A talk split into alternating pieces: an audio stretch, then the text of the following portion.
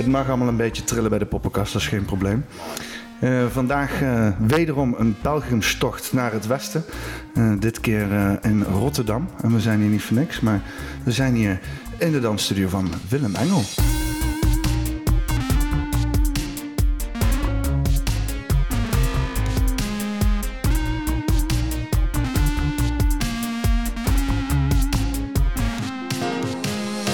Hi, welkom.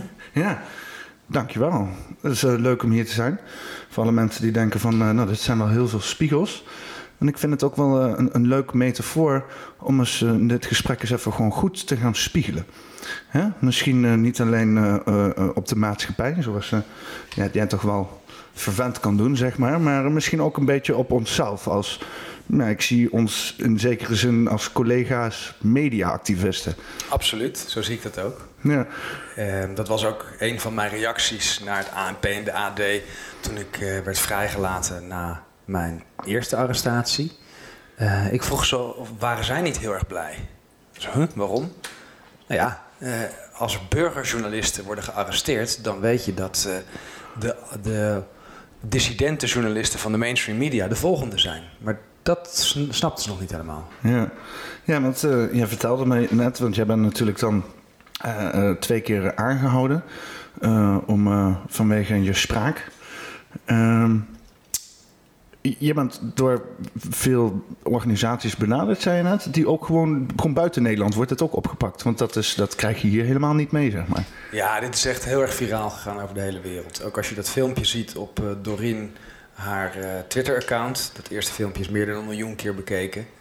Um, en dat was niet alleen maar uh, in Nederland. En daarna is het, ja, het is echt viraal gegaan. Dus ik heb interviews gedaan met Duitsland, België, Zweden, Engeland, Canada, Verenigde Staten en Australië.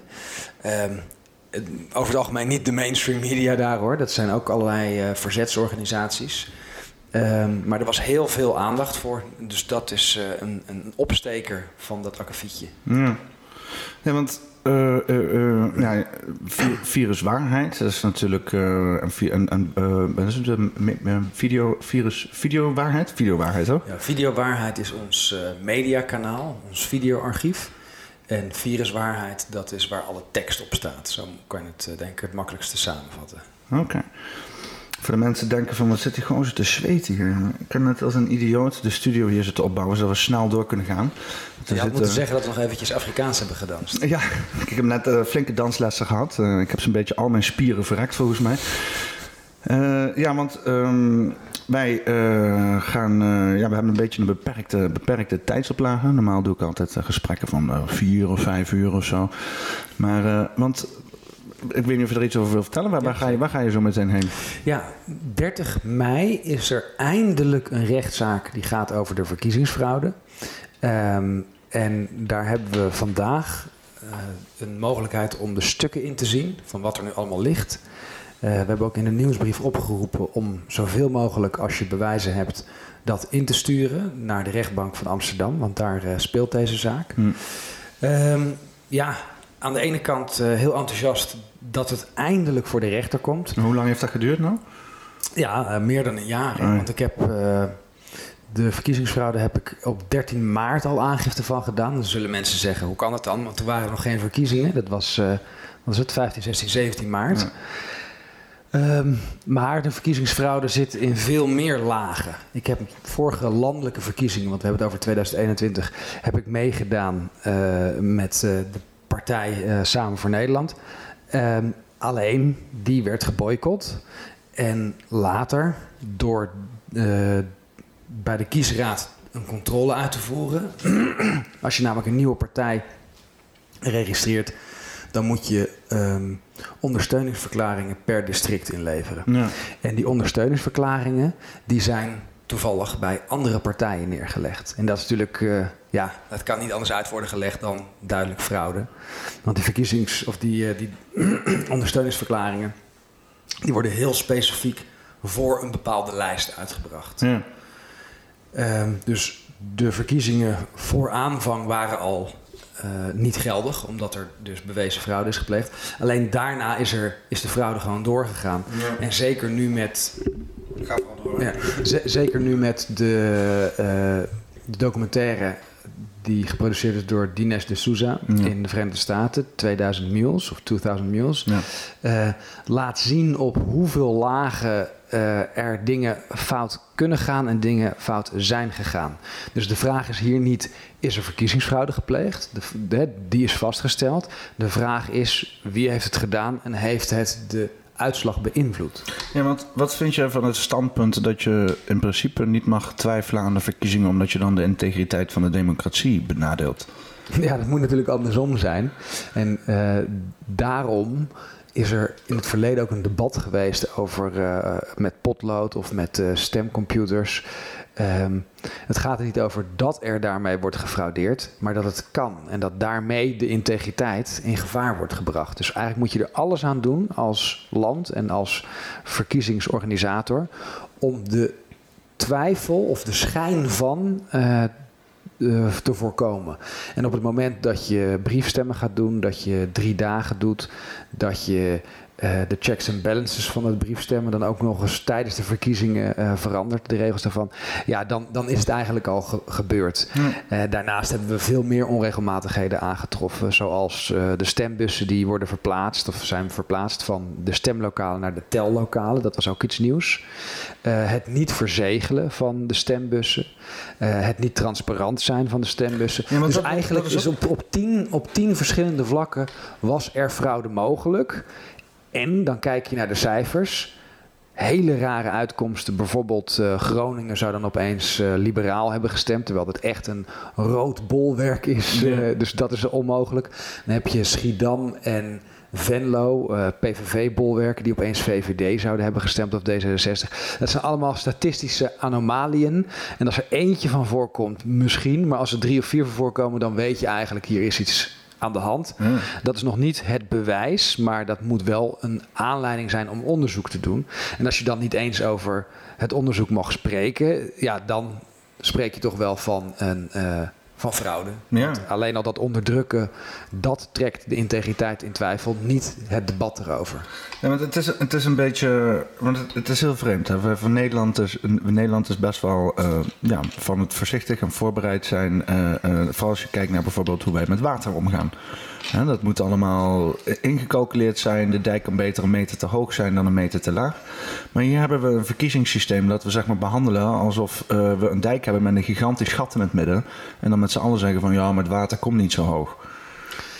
Ja, zo zou je het inderdaad kunnen zeggen. Het, het, het gaat er niet eens om uh, dat er een ramp is gebeurd. Het gaat niet om dat er is gefraudeerd. Het gaat erom dat het met al deze schimmige praktijken heel erg makkelijk wordt gemaakt voor mensen die kwaad willen. En de zaak van, van waar we vandaag inzage over hebben, dus die dient op 30 mei. Um, dat is een groep van mensen die op mij heeft gestemd. Dus dat zijn vier stemmen die zijn uitgebracht, volgens mij in Sertogenbos. Uh, want in Amsterdam mocht ik niet meedoen. Uh, door die eerdere sabotage. Mm. Maar deze mensen hebben dus hun stem uitgebracht, een foto ervan gemaakt, inclusief uh, identificatiebewijs. En um, dat hebben ze niet meer teruggezien op het proces verbaal. Want we hebben 9000 of rond de 9000 stemlokalen in Nederland. Mm -hmm. En elk stemlokaal moet een proces verbaal opmaken. Wat is dat dan? Is eigenlijk een soort turflijst met welke stemmen zijn uitgebracht op welke personen. Ja. Um, dus we wisten, in dat stemlokaal moesten er minimaal vier op mij zijn uitgebracht. Ja. Alleen er stonden er nul. Ja, dan is er wat aan de hand. Eén kan je misschien nog over het hoofd zien, maar meer dan één, dat is een probleem. En dit gaat dan specifiek over stemmen op mij uitgebracht. Maar we hebben diezelfde onregelmatigheden gezien bij uh, FVD voornamelijk, mm -hmm. bij DENK. Um, een andere partij die echt erbuiten is gehouden is NIDA bijvoorbeeld, de Islamitische partij.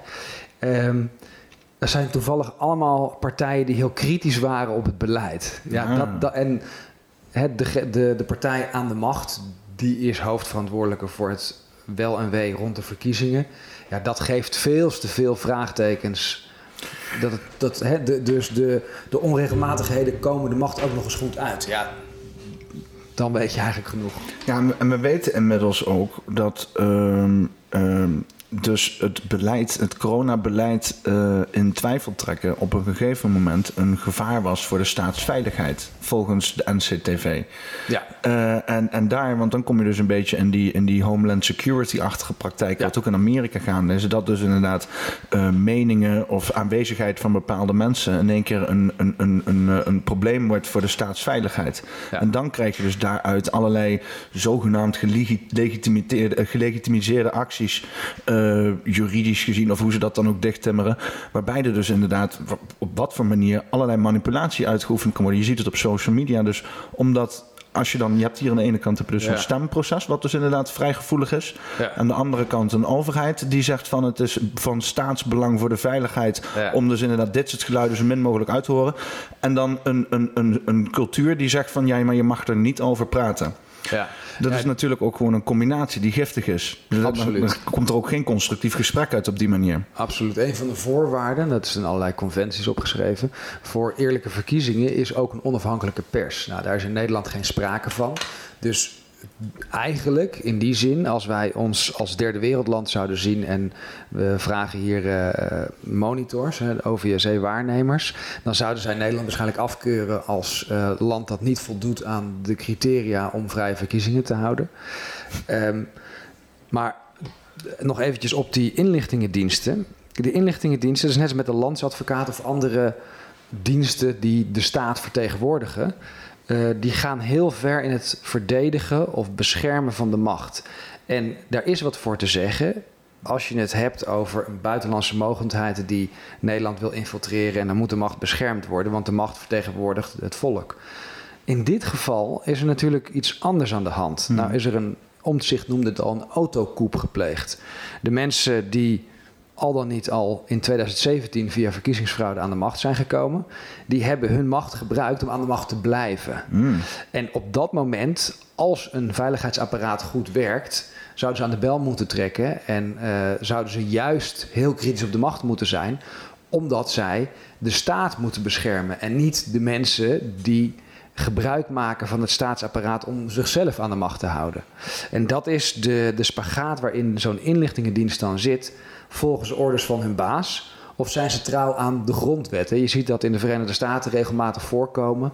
Daar is het systeem toch wat democratischer. Uh, daar wordt niet uh, aan de staat vaak uh, trouw gezworen, maar aan de Constitution. Hè? Hm, ja.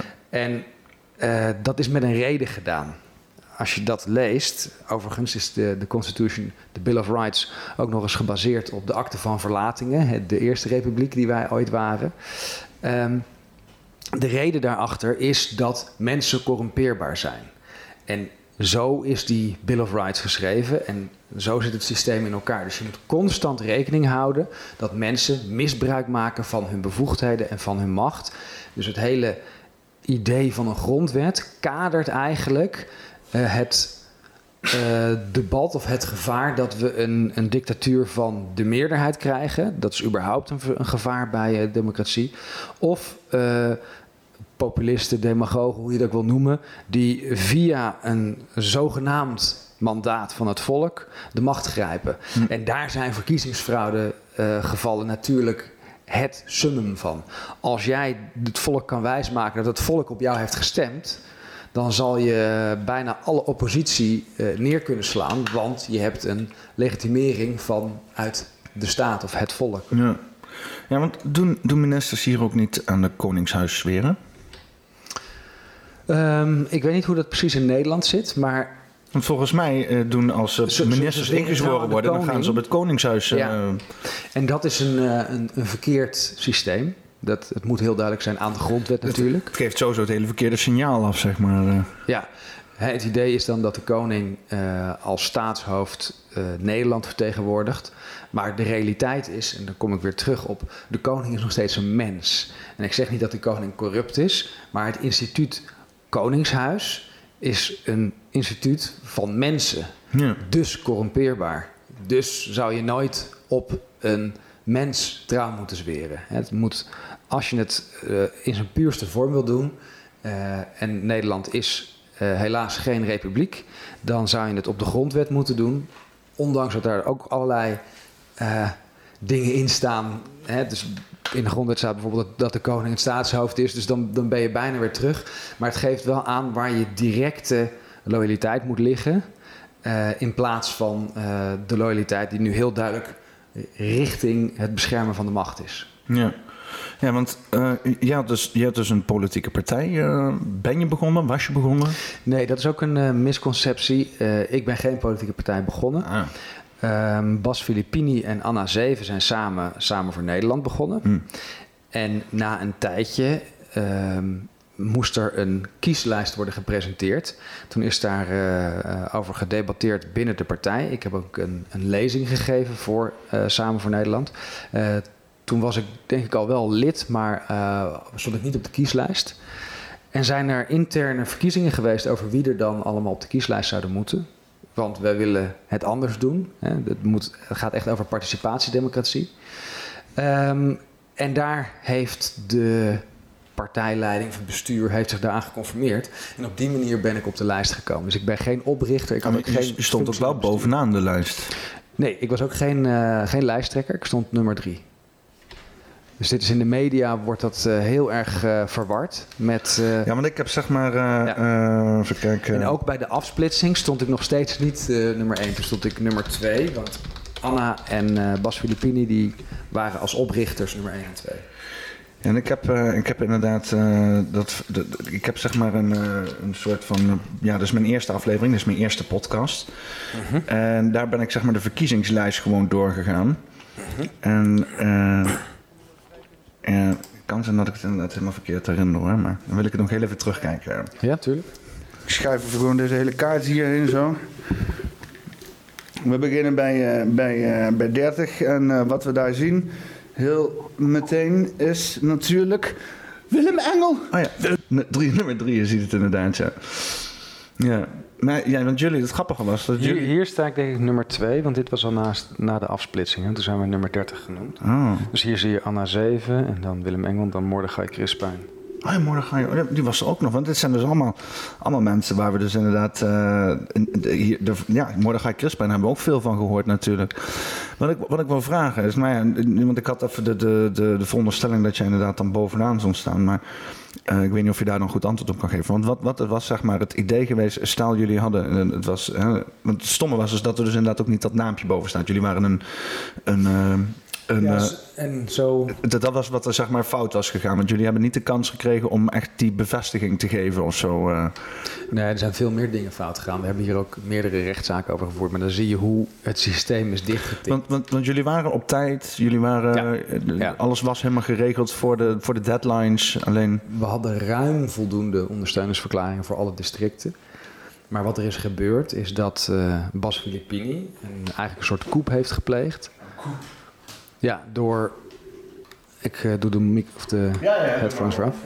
Um, en die... Daar, daarom gewoon even hier neer. Ja. Lekker rondzingen. Um, die koep die bestond uit het uh, uitschrijven van andere bestuursleden. Nou, dit is een klassiekertje. Dat staat ook in het AIVD-protocol. Ik heb het van meerdere organisaties gehoord die door de AIVD zijn geïnfiltreerd. Uh, weet ik niet of Bas Filippini zelf AIVD is, maar in ieder geval, uh, dat idee komt niet bij hem vandaan. Want, want, want, want waar, kwam, uh, waar kwam Bas vandaan? Wat was, Bas die heeft, die is voorzitter geweest volgens mij van de organisatie Privacy First. Ja, en als je daar dan een beetje gaat zoeken, dan zie je dat dat ook niet helemaal zuivere koffie is. Hè. Um, er zijn, er zijn veel organisaties, net zoals Amnesty International, die zeggen voor mensenrechten op te komen. Maar als puntje bij paaltje komt, dan doen zij mee aan het beschermen van de macht. Weet je, dus, een beetje dus, een soort van uh, war child met uh, ja. uh, Marco Borsato als ja. ambassadeur, zeg maar. Ja, ja, ja. Nou, daar, daar lijkt het heel erg op. Um, maar, maar los van de persoon Bas Filippine, dat vind ik niet heel erg interessant. Als, als persoon kan ik het prima met hem vinden. Het is een aardige man. Alleen wat daar toen gebeurde en daar heeft hij zijn handtekening wel onder gezet, is, uh, is gewoon valse geschriften. Dus uh, mensen werden uit het bestuur gezet. Um, ook nog eens op een hele opmerkelijke volgorde. En dat werd gedaan om uh, mij te kunnen royeren, want ik moest van de lijst af. Hmm. Was hij het niet eens dat jij op de lijst kon? Nou ja, dat, is, dat, is, heel vreemd, want hij had er zelf uh, ja op gezegd. Uh, we hadden daar al eerder gesprekken over gevoerd, dus dat is een, een, een hele rare 180 graden draai. En die kwam na mijn uh, presentatie, waar we alle drie, dus Anna Zeven, Bas Filippini en ik, uh, op 6 januari bij Nieuwsport 2021 een, een, presentatie van onze kernpunten van uh, de politiek die wij, wij wilden bedrijven uh, uiteenzetten. Mm -hmm. Daar heb ik het ook al over de verkiezingsfraude gehad en over de gentherapeutische injecties en over wat Pim Fortuyn aansneed met de uh, constant de, de groter wordende uh, zorginstellingen en onder, of, ja, onderwijsinstellingen. En dat zijn nou precies de drie punten die de macht heel erg bedreigen. Dus ik denk dat er toen iemand heeft gefluisterd of gebeld van... hé, hey, die moet eraf, want dit soort praat mag niet tijdens de verkiezingscampagne worden gebezigd. Want, want, want was er tijdens het gesprek dat jij ook op de lijst moest komen, was daar enige controversie over? Of? Um, er was controverse over welke plek dat dan zou zijn. hoe, hoe gaat zo'n gesprek? Ik wil op nummer 2 staan. Nee, jij moet op nummer 3. nou, die, die, die controverse kwam trouwens eigenlijk iets later. Wij wilden gewoon, oké, de, de, de meeste stemmen gelden. Er wordt intern gestemd en we houden de, uh, de volgorde van de stemmen aan van de leden. Um, en op het moment dat het opportun is om iemand anders op plek 1 te zetten, dan zouden de bestuursleden daar uh, een pas op de plaats maken. Uh, dus, dus, Anna en, en Bas die, die waren ermee akkoord. Op dat moment was Stefan Noordhoek al minder actief in de partij, dus die, die heeft daar niet bij gezeten bij die gesprekken. Um, en ik denk dat het ook heel erg logisch is dat als je meedoet aan de verkiezingen, dan wil je zoveel mogelijk stemmen binnenhalen. Dan gaat het niet over wie uh, de meeste credits hoort te krijgen, omdat hij zich het meest heeft ingezet voor de partij. Dat, ja. dat, is, dat is wat je intern doet. Verkiezingen zijn wat er extern gebeurt. Dan mogen er ook allerlei mensen stemmen die niet lid zijn van de partij. Um, dus dat bracht al enige uh, wrijving. Daar merk je uh, het grote probleem bij uh, veel partijen is dat ze door mensen worden opgezet. Met ego's en Met zo. ego's en met verworvenheden. en dat is heel lastig tegen te gaan. Dus ik, ik, ik merkte daar al dat de idealen en het gedrag niet helemaal in sync waren goed daarover gesproken. Uh, die presentatie gehad. En toen was eigenlijk alles nog uh, koek en ei. Uh, tot een dag na die presentatie bij Nieuwsport. En toen ontplofte het. werd ik opgebeld en gezegd van je bent van de lijst. En, nou, dat kan helemaal niet. Dat, hè, dat, volgens de statuten mag dat niet zo. Dus er zijn allerlei dingen in werking gesteld. Tot aan de Hoge Raad aan toe. Dus eerst werden er mensen uit de stichting geschreven uit de vereniging. Uh, dat kan niet, daar is fraude gepleegd. Dus dat is ook heel opmerkelijk dat uh, de notaris zich daarvoor heeft geleend. KVK heeft het geaccepteerd, terwijl ze, ik weet niet of je wel eens een vereniging of VOF of zoiets hebt gehad. Als je mensen uit wil schrijven, dan is er altijd een controle voor nodig. Van, ja, anders kan je namelijk iedereen uitschrijven en de, en de boel overnemen. Dat, dat is. Heb je daar dan het bestuur voor? Of? Ja, dus als je een, uh, een organisatie inschrijft, of het nou een BV, VOF, vereniging of stichting is, dan heb je bijna altijd meerdere mensen in het bestuur. En uh, heel veel van dit soort uh, uh, organisaties die hebben statuten. En in die statuten staat dan of iemand enkel bevoegd is of dat je gezamenlijk bevoegd bent. Hm. normaal, zeker als het over een democratische vereniging gaat, dan ben je gezamenlijk bevoegd.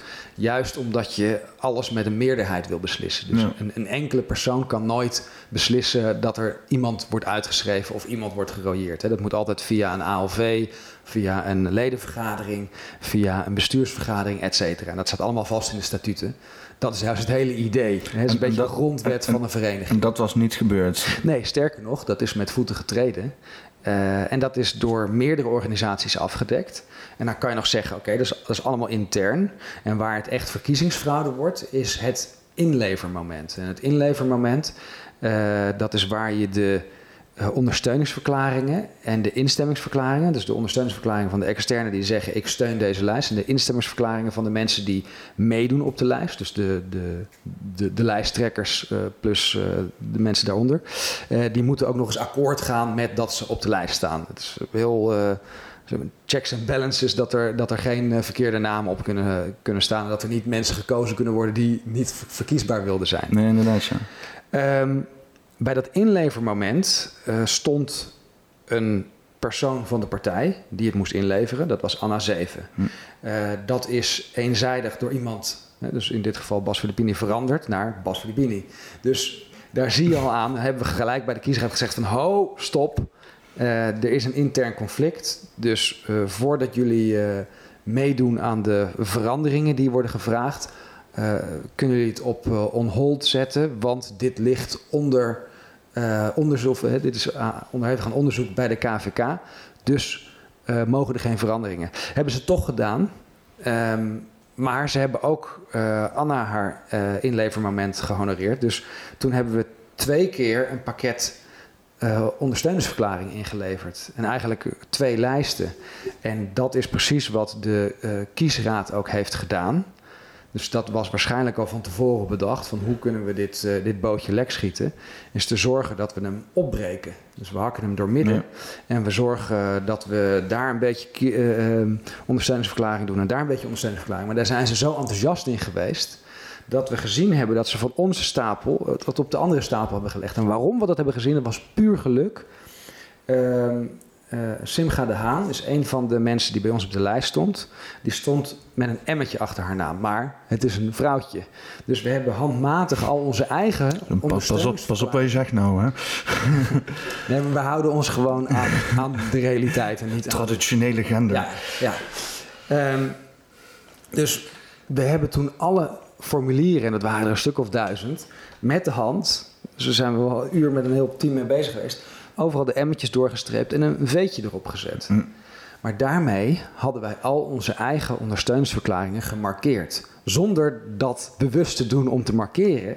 En konden we dus de paper trail terugvinden. Ja. En toen we eenmaal een, een, eigen audit mochten uitvoeren, want dan, dan eerst wilden ze daar niet aan, dus een paar keer aangevraagd. Uiteindelijk hebben we toegang gekregen tot onze eigen ondersteuningsverklaringen, die dan in het archief liggen bij de kiesraad. Ja. Uh, gekeken en daar bleek inderdaad van alles mis te zijn. Formulieren die waren kwijtgeraakt of om onduidelijke reden afgekeurd of eh, gewoon letterlijk bij een andere stapel neergelegd. Oh, ja, dat, dat, daar was zoveel mis. Dat kan niet een, een, een, foutje zijn geweest dat iemand een stapel heeft laten vallen en het per ongeluk op de verkeerde stapel heeft teruggelegd. Dat is, niet dat, is uitgesloten. Nee, dat is echt uitgesloten. Dus daar is iemand bij de kiesraad zelf of iemand bij de kiesraad heeft een ander, een derde, de toegang gegeven om daar fraude te plegen. Uh, hoe dan ook, dat inlevermoment betekent dat op dat moment de kiesraad verantwoordelijk is. Dus de kiesraad is medeplichtig of dader van verkiezingsfraude. En dit uh, was rond, dit, dit, onderzoek van ons, op 13 maart. En toen heb ik direct aangifte gedaan. Ben ik heel adequaat geholpen door de politie. Die hebben er echt alles aan, aan gedaan omdat ik direct uh, dat kon doen. Want normaal uh, duurt het soms wel twee weken of drie weken voordat je daar terecht kan. Um, en het meest bijzondere is nog dat de officier van justitie die die aangifte van tafel heeft geveegd, dat heeft ze. Dus ik heb aan het eind van de dag, de 13e, die aangifte gedaan. En de 17e heeft zij die al van tafel geveegd met nothing to see here. Dat betekent dat ze in waarschijnlijk iets meer dan twee dagen kennelijk Iedereen had gebeld van de kiesraad en onderzoek had gedaan. Nee, dat is natuurlijk niet gebeurd. Dit is gewoon van tafel geveegd. En de naam van deze officier, officier van justitie is heel, of, uh, heel opmerkelijk. Dat is mevrouw Vreugdenhil. En dit is dezelfde officier van justitie die mij heeft vastgezet voor de uh, lastelijke aanklacht van Dikkeboom. Is het toch, is toch niet die... Oh, dat is... Nee, oké, ja, ja. Dus we hebben te maken met een officier van justitie die klusjes opknapt voor het regime... En dit was het tweede klusje. En tussen die verkiezingsfraude en uh, mijn aanhouding uh, recentelijk in maart, die ook weer voor het stembureau hier was. Hè, want ik had net mijn stem uitgebracht en ik werd opgepakt. Oh, dat meen je. Dus het, het, het hangt allemaal aan die verkiezingen vast, lijkt wel. Uh, die opdracht is gegeven door mevrouw Vreugdenhil. Uh, daartussen had ik al een brief gestuurd en een herhaling naar het parket Rotterdam. Dat er iets mis was met mevrouw Vreugdenhil en dat uh, ik een onderzoek wilde, omdat ik uh, er niet doorkwam. Dus ik had die aangifte gedaan, werd van tafel geveegd. Volgende aangifte werd ook van tafel geveegd. Hmm. Artikel 12, alles wordt van tafel geveegd. Zonder dat er ergens inhoudelijk op ingegaan wordt. Er wordt geen recht gesproken, zeg maar. Nou, het gaat nog wel veel verder dan geen recht. We hebben hier te maken met een interne criminele organisatie. Dat is heel duidelijk. Want uh, je hebt dus zo meteen. Maar dan gaan we nog verder. Want wat er nu is gebeurd. In mijn dossier zag ik dat er intensief contact is geweest tussen Norbert Dikkeboom, hè, iemand die mij stalkt, daar heb ik meerdere aangiftes tegen gedaan, um, die oproept tot geweld en haat richting mij, uh, en mevrouw Vreugdenhil. Dus die hebben intensief contact gehad. Dat betekent dat deze officier van justitie dus uh, uh, slachtoffergevoelige informatie met een dader van stalking heeft gedeeld om mij te kunnen demoniseren. Want dat stukje kan het Openbaar Ministerie zelf niet doen. Daar hebben ze een derde in de burgermaatschappij voor nodig die dan een lastercampagne kan voeren. Dat zijn eigenlijk van die House of Cards praktijken, zeg ja, maar. In, maar we hebben garage bewijs, afspreken. Het, en... Precies, het staat gewoon in het dossier. We hebben dit direct opgemerkt. Deze officier van justitie is van de zaak gehaald. Ah. Gaat het nog verder? Natuurlijk heb ik wederom aangifte gedaan. Ook die want het is pakket Rotterdam, werd binnen een week geseponeerd. Maar gisteren kreeg ik toevallig een bevestiging dat die zaak kennelijk niet is geseponeerd, maar over is gezet van het parket Rotterdam naar het parket Den Haag. Dus er lijkt iets te oh. gebeuren. Ja, want hoeveel, want hoeveel hoop heb je dan uh, in de. Want je gaat nu naar een rechtszaak om dit te behandelen. Dat je door dus inderdaad het juridisch systeem ook gigantisch benadeeld bent. Los van de verkiezingen op allerlei andere vlakken. Mhm. Het juridische systeem hebt eh, uitgedaagd en daar nog niet echt. Uh, uh, ja, hoe moet ik dat zeggen? Um, een adequaat vonnis, een echte afweging of een echt vonnis. Ja, op zijn in ieder geval gevoel van recht of zo. Mm hè? Want het wordt allemaal maar gewoon van tafel afgeveegd en zo. Dan de hele, hele tijd. Maar hoeveel hoop heb je dan nu uh, voor dit? Want jij zegt er lijkt iets te gebeuren. Is het... Ja, kijk, de laatste twee vonnissen zijn zo ridicuul dat die niet handhaafbaar zijn. Dus we hebben nu twee herzieningsverzoeken gedaan. Eén over het avondklokproces. Uh, daar hebben we net de cassatie eh, van behandeld. Uh, die is afgewezen. Maar door dat een keer, nog een keer te reviewen, zijn we erachter gekomen dat ze uh, vals in geschriften en bedrog hebben gepleegd. Mm. Dus ze hebben expres verkeerde plaatjes gebruikt bij het, bij het betoog waarom de avondklok nuttig en effectief en meetbaar zou zijn. Dat blijkt niet zo te zijn. Wat, wat voor plaatjes? Dat is een, uh, een tabel uit. Een, oh, uh, how to lie with statistics. Ja, ja. en daar hebben ze het verkeerde plaatje gebruikt. En het ene plaatje laat zien, uh, het zal wel eens effect kunnen hebben. Het andere plaatje laat zien, we kunnen het eigenlijk niet meten. Ah. En ze hebben natuurlijk het eerste plaatje gebruikt, terwijl de publicatie dat tweede plaatje wel degelijk heeft geüpdate en, uh, en heeft gecorrigeerd. Dus hier is echt uh, eindelijk eens een keer een smoking gun, een keihard bewijs van fraude. Dus ik heb direct aangifte gedaan, wederom. Uh, we hebben een herzieningsverzoek ingediend. En of de, de rechtspraak werkt, dat is voor ons eigenlijk niet meer zo relevant. Ze kan zichzelf onsterfelijk belachelijk te maken door dit weer van tafel te vegen, want dan zijn we gewoon klaar. Hè. Dan, dan moet je gewoon zeggen, er is helemaal geen rechtspraak meer. Of ze gaan dit wel inhoudelijk behandelen. En dan zullen er mensen moeten worden geofferd van het regime. Ja. En dan denk ik als eerste aan Pels Rijken uh, en Van Dissel. Want dat zijn de mensen die, die actief die fraude hebben gepleegd. Um, ja, en als er eenmaal één steentje uit de muur is, dan uh, is de muur een stuk minder stabiel geworden. Ja, nou, maar als je gewoon sowieso kan aantonen dat dit soort praktijken gaande zijn. En dat is inderdaad gewoon er net zo lang tegenaan schoppen totdat er uh, inderdaad een steentje tussenuit valt. En dan lijkt het alsof je gewoon tegen een stabiele muur aan het schoppen bent de hele tijd. Want dat idee krijgen mensen natuurlijk, ik ook wel een beetje de hele tijd. Ik denk van, ach ben toch allemaal aan het doen, weet je wel. Moet je niet eens een keer op vakantie of zo. En, uh, en, en sluit het ander niet uit over. Nee. Ik kan vanuit vakantie ook gewoon een rechtszaakje opzetten natuurlijk. Nee, maar uh, uh, zoals je het inderdaad nu zegt, van het moet op een gegeven moment gewoon een keer, een, een, keer moeten ze een keer toegeven, ook al is het op iets kleins, dan kan je inderdaad dat systeem blootleggen, die werkzaamheden, en dan kan je echt goed beginnen met purken, zeg maar. Ja. Alleen, ehm, want, want waar heb jij hiermee te maken? Hoe lang is dit al gaande? Oh, dit is al. Uh, dit grotere plan van Agenda 2030 is natuurlijk al opgetekend in 1992. Nee, maar, maar is, is die corruptie in onze staat niet inherent, zeg maar? Gewoon van de Nederlandse staat? Ja, alleen wat we de laatste uh, zeker 15 jaar zien, en als je wat ruimer rekent, 25 jaar. Dus onder paars is eigenlijk. Uh, de bodem eruit geslagen. Mm. Zeg maar alle... Geen moraal meer. Nou ja, de ideologische veren, zoals Kok zei, die moesten worden afgeworpen. Maar wat het ook, wat het ook ten gevolge had, is dat alles werd geoutsourced. Liberalisering van de markt. Uh, managers overal tussenlagen creëren. Uh, het idee dat uh, consultants en, en interim beleidsmedewerkers het ook wel zouden kunnen oplossen. wat je daarmee hebt gecreëerd is eigenlijk een, een, deficit of een, een, tekort aan know-how binnen de departementen en ministeries.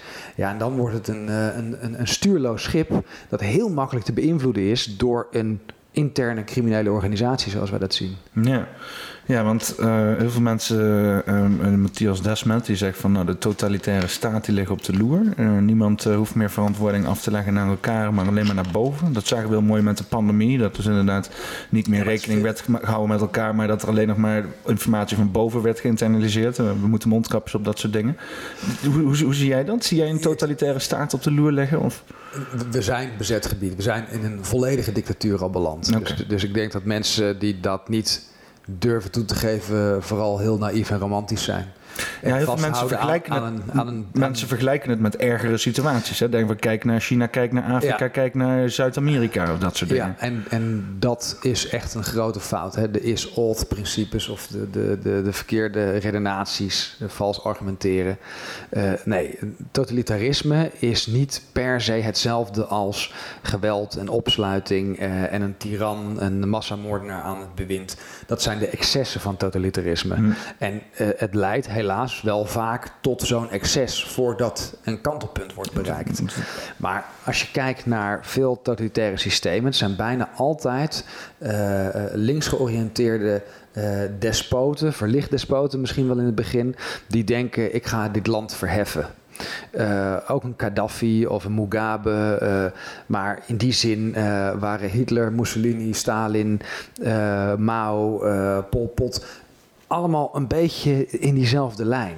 vanuit een bepaald uh, sociologisch gedachtegoed en nationalistisch gedachtegoed. Uh, het uh, volk willen verheffen. En ja, omdat je dan met oppositie te maken hebt, voor de greater good moet je de oppositie in ieder geval tijdelijk uitschakelen. En als ze echt lastig zijn, dan stop je ze in kampen of je, je gooit ze uit vliegtuigen. Beetje Novichok of zo. Ja, maar dat, dat, dit, dit, is een gedraging van de mens. Dit heeft niet zo te veel, te veel te maken met een Hitler of een Stalin. Uh, ik ben bang dat misschien wel 30% van de mensheid als zij in die positie worden gezet, ze gaan misdragen als een dictator. Ja, nou ja, wat je, je ziet het nu heel mooi op links, dat je dus inderdaad heel veel enthousiaste mensen die oprecht zelf denken dat ze het best met de wereld voort hebben, controle willen pakken om dus inderdaad de wereld een betere plek te maken. En, en dat in mijn optiek, en dan zie ik dan mensen schreeuwen van nee, we moeten deze regels, die regels invoeren, want dan gaat het goed met de wereld. Dat ik denk van, uh, dus te kort door de bocht, je weet het niet. En uh, het is inderdaad een ideaal van jou. Hè? Mensen die dus inderdaad denken van ik zie de wereld zoals het is en zo zou het moeten zijn, heb ik altijd zoiets van dan, dan schiet je jezelf en iedereen hartstikke tekort. Je, je, ja. één persoon, wat jij ook zei, één persoon is één persoon. Ja. Dus wat, wat doe je met mensen die gewoon zoveel controle willen constant toepassen? Ja, je ze in ieder geval niet de controle geven. Zeg maar, uh, sowieso hebben we een geen systeem nodig met uh, strakke hiërarchie en uh, rigide machtsstructuren. het leiderschapsmodel is, dat is klaar. En wat we nu zien is dat er een elite heel krampachtig aan dat leiderschapsmodel wil vasthouden om aan de macht te blijven, want daarmee is de wereld heel gunstig voor hen. Maar was dat niet altijd het idee met het polder en zo? Ja, en, en dat ging goed zolang we een power sharing systeem hadden. Als je het geopolitiek uh, bekijkt, waarom was het Westen zo succesvol uh, in de periode van einde Tweede Wereldoorlog tot einde Koude Oorlog, zeg maar uh, 89, 90, hebben wij een ongekende groei in welvaart en welzijn gehad. Uh, niet in de laatste plaats doordat wij iets te bewijzen hadden ten opzichte van het andere systeem. Hè. We hmm. voerden daar competitie mee, dus hoe kon je nou het beste laten zien dat ons systeem werkt, is door uh, burgers echt te verheffen. al die idealen die, die mensen uh, in de eeuw daarvoor hadden over het verheffen van het volk, is toen pas in grote mate echt doorgevoerd. Ehm, maar er zitten ook heel veel problemen aan. Namelijk dat uh, als je al die rijkdom moet delen, uh, dat je dan ook je invloed deelt. Ja. En dan zie je eind jaren zeventig een, uh, een, een gedachteverandering opkomen. Um, en dan beginnen ze eigenlijk al met de regulaties los te laten. Volgens mij heeft Nixon toen ook de goudstandaard losgelaten. En, en dat is een startschot van die liberalisering geweest.